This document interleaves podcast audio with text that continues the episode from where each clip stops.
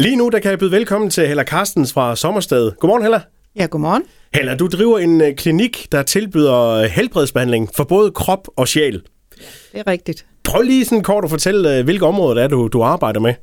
Jamen, jeg har jo arbejdet i 25 år. Jeg har faktisk 25 års jubilæum og har arbejdet med zoneterapi og biopati. Det er en naturmedicinsk behandling, kan man sige, med kinesiologi. Og så arbejder jeg også med klaviance. Og her til morgen, der skal vi dykke lidt dybere ned i klaviance, for hvad er det egentlig heller for en størrelse, hvis du sådan lige kort skal beskrive klaviance?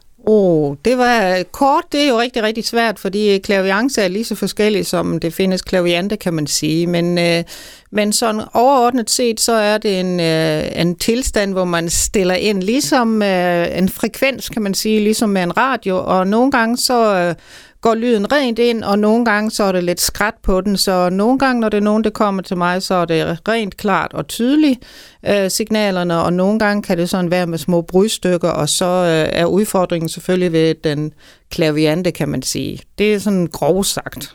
Og, og, og de signaler, der kommer, det er fra det, vi kalder den åndelige verden? De signaler, der kommer, det er fra den åndelige verden, og de benytter sig af forskellige knep, og det er meget forskellige. Jeg er så så heldig, at jeg kan modtage på forskellige frekvenser. Det betyder, at jeg kan få billeder, øh, og jeg kan få ord og sætninger, og jeg kan få fornemmelser i kroppen, så hvis folk har nogle skavanker i deres krop, så kan jeg mærke det på min egen krop. Hvis de er ked af det, så bliver jeg ked af det. Øh, hvis de er glade, så kan jeg også øh, mærke glæden. Øh, hvis de har en knugen i maven, så kan jeg også mærke det på min egen krop. Og jeg kan også få indre billeder på det. Og det prøver jeg selvfølgelig at formidle til dem, det kommer hos mig. Ja, og dem, der kommer, hvad kan de bruge den her klaviance til? Hvad er det, man sådan, øh, hvis du skulle komme med et konkret eksempel? Jamen, jeg kan jo i princippet bruge mig selv som konkret eksempel, fordi øh, jeg har jo selv gået hos øh, klaviante. Jeg har været meget kritisk, og det synes jeg også, man skal være.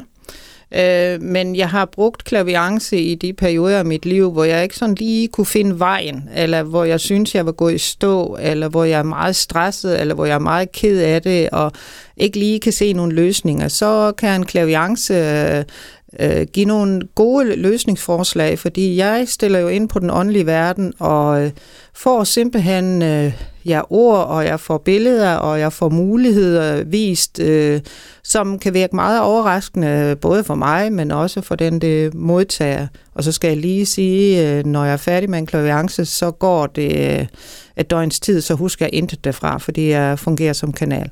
Okay, så det er ikke noget, der sætter sig i din uh, hukommelse? Det sætter sig ikke i min hukommelse, det er, og det, det er jeg taknemmelig for. Hvad er det typisk dine klienter, de gerne vil vide fra, fra en afdød? Hvad, hvad kan det være? Jamen, øh, jeg øh, har afdøde kontakt, men det er ikke det primære. Jeg har bedt de afdøde om kun at komme, når det er vigtigt, eller når det er specielt vigtigt. Så jeg er ikke et medie på den måde, som laver platforme, hvor det er afdøde kontakt kun. Jeg er for mig er en klaviance en meget personlig sag, øh, og mange bliver vældig overrasket over, hvor tæt den går, så rigtig mange, der får en klaviance hos mig, bliver følelsesmæssigt berørt, fordi vi rammer lige ind i kernen. Det er den måde, min guide, eller min åndelig guide, eller min klaviance guide, kan man også kalde det, kontakter mig og fortæller mig, mig nogle ting, som jeg så formidler. Så det går meget tæt på en meget personlig sag, men kan også få folk til at rykke rigtig meget og komme videre i deres liv, øh, hvis man vil, fordi en klaviance er jo fri, kan man sige på den måde, at øh, en klaviance er jo ikke hele sandheden, for det kræver jo også mod og, øh, og turde tage nogle skridt i sit liv. Så klaviancen kan være god nok, men det er ikke altid, man øh, har mod på at, at tage de skridt, det skal til. Eller under sådan en klaviance, er det så dig, der kontakter den åndelige verden, eller bliver du kontaktet? Øh, under en klaviance, der først øh, mediterer jeg faktisk. Øh, det, det kræver meget fokus, det kræver også meget koncentration og nærvær. Så jeg mediterer øh, dagligt for, for at kunne fokusere på den måde, og så er det mig, det kontakter. Jeg har en helt bestemt klavianceguide, som er med mig, som jeg beder om hjælp, og jeg beder selvfølgelig også den åndelige verden om hjælp til at gøre øh, klaviancen så ren og så klar og så seriøs som muligt. Så, øh, så jeg kontakter den åndelige verden. Ja. Du sagde, at du, du både kan få, få billeder, men, men, men også øh, kommunikation. Af, hvilket sprog taler man så? Er det det sprog, som den, der henvender sig, har, eller hvordan? Øh, jamen sproget, øh, altså nu skal det til siges, er den klaviance. altså jeg har jo gennem årene fået en masse erfaring via min klinik. Øh, jeg er også oprindelig pædagog, så man kan sige, en klaviance ud fra den viden, jeg har, jo større viden jeg har med mig, jo bedre kan min guide bruge mig i forhold til at formidle det, det skal til, og jo mere nuanceret bliver min klaviance. Jeg ved ikke, om det var helt det svar. Ja. Men, øh, men, men det er i hvert fald sådan, jeg oplever det. Så, så, og derfor er det stor forskel på klaviante, fordi øh, vi er jo ikke bedre som øh, den rygsæk, vi har med, øh, med os, og det, det er det, så vores guider de kan be, benytte sig af.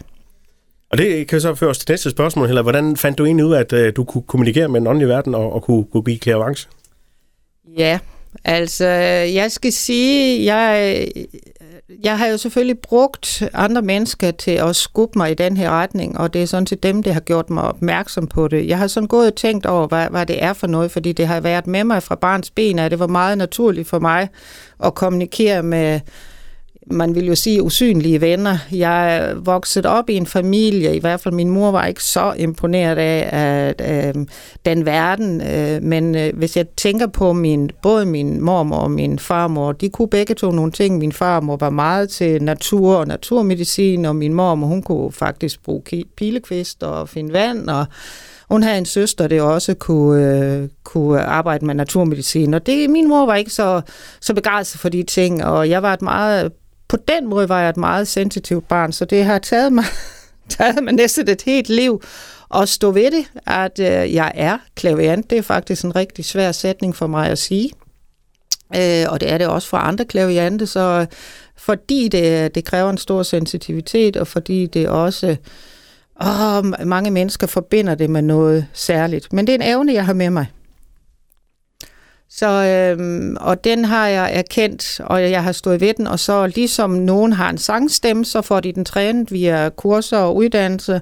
Så har jeg så valgt at gå på Maja Fridans klavianceskole i København. Hun har også været i tv, øh, fornemmelser for mor og de der ting, og hun er om nogen en kapacitet, og har været øh, det skub, det skulle til for at, at turde sige, at jeg er klaviant. Eller når der kommer en klient ind øh, og, og spørger om nogle ting, får vedkommende så alt at vide, som du får, får at vide fra den i verden, eller sorterer du i det? Når øh, en klient vælger en klaviance hos mig, så beder jeg faktisk vedkommende om ikke at fortælle noget eller spørge om noget. Så jeg, jeg laver en ren klaviance, og jeg sætter en time af, og de første, det er 30-45 minutter, der giver det videre, som jeg får direkte. Øh, derefter er der så mulighed for spørgsmål 5-10 øh, minutter cirka. Det er sådan en ren klaviance foregår hos mig.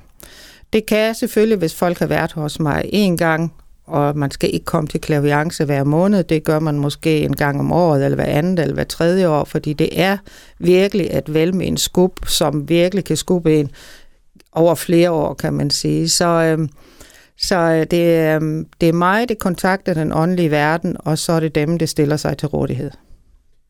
Eller har du så nogensinde prøvet at måtte afbryde øh, en kontakt med den åndelige verden, fordi det, du fik at vide, simpelthen var for voldsomt? Den åndelige verden er jo noget klogere, end vi mennesker er, så der kommer ikke mere, end det den enkelte kan, kan hvad skal vi sige, kan klare, men, men det kan godt nogle gange være nogle budskaber, som den enkelte her nu måske ikke lige forstår, men når de så kommer hjem og tænker over det, så siger de, åh, oh, nu forstår jeg det. Øhm, så, så det er, jeg snakker ikke om død og øh, ødelæggelse på den måde. Det, er ikke, det har jeg også bedt min guide om, at det vil jeg gerne fritages for, men hvis jeg kan øh, mærke eller se noget, der er noget i forhold til noget sygdom eller noget ubalance i kroppen, så får jeg generelt råd og vejledning til nogle henvisninger og hvad de kan gøre.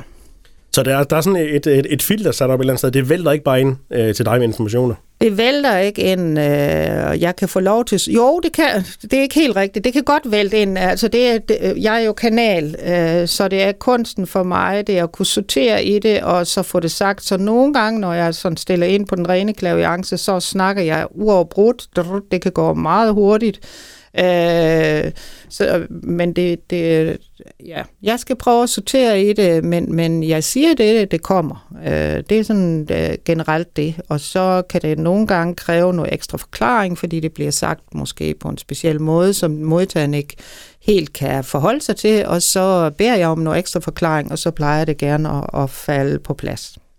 Heller, er det, er det dig, man også ringer til, hvis man nu fornemmer, at der er andre end en selv, eller der går nogen rundt op på loftet derhjemme? Øh, det, det gør man. Man ringer til mig, men det er ikke mig, det tager ud. Så henviser til andre, som øh, har super gode evner i den retning. Øh, så, så jeg går ikke ind og... Ikke fordi vi har lært om husrensning og, og forskellige ting, og øh, jeg vil også kunne fornemme noget, men, men jeg har valgt, øh, fordi der, det er andre kræfter i spil, det er andre energiformer i spil, og, og det er ikke det, jeg, det er i hvert fald ikke der, jeg er øh, der, hvor jeg er lige nu. Øh, for mig har en klaviance været en personlig sag i forhold til mig selv, og, og, og det er nok også der. Så det handler om personen mere, end det handler om afdøde. Heller kan du mærke noget her i studiet nu, hvis jeg sådan spurgte om det? Altså, nu står vi jo her med, med masse af elektricitet, øh, men jeg synes ikke, øh, at... Øh, og jeg er jo på på en anden måde, så jeg synes ikke, at det er det, jeg har sat min energi ind på, fordi for mig er det i hvert fald sådan, når jeg skal gå ind og mærke noget, så skal jeg sådan lige fokusere på det og være helt ren, og det er jeg ikke lige nu. Så som du også sagde tidligere, det kræver en vis forberedelse. Altså, du, øh, du indstiller dig. Ja. Den, der kommer, og klienten har også gjort sig nogle tanker. Ja. Inden man, og så, og så foregår det i din klinik? Det foregår i min klinik. Øh, jeg har også lavet øh, telefonklaviancer, og de, øh, de kan også være rigtig fine, men, men øh, overordnet så beder jeg, om at folk, øh, beder folk om at komme hjem til mig. Heller Carstens fra, fra Sommersted. Tak for besøget. Ja, tak fordi jeg måtte komme.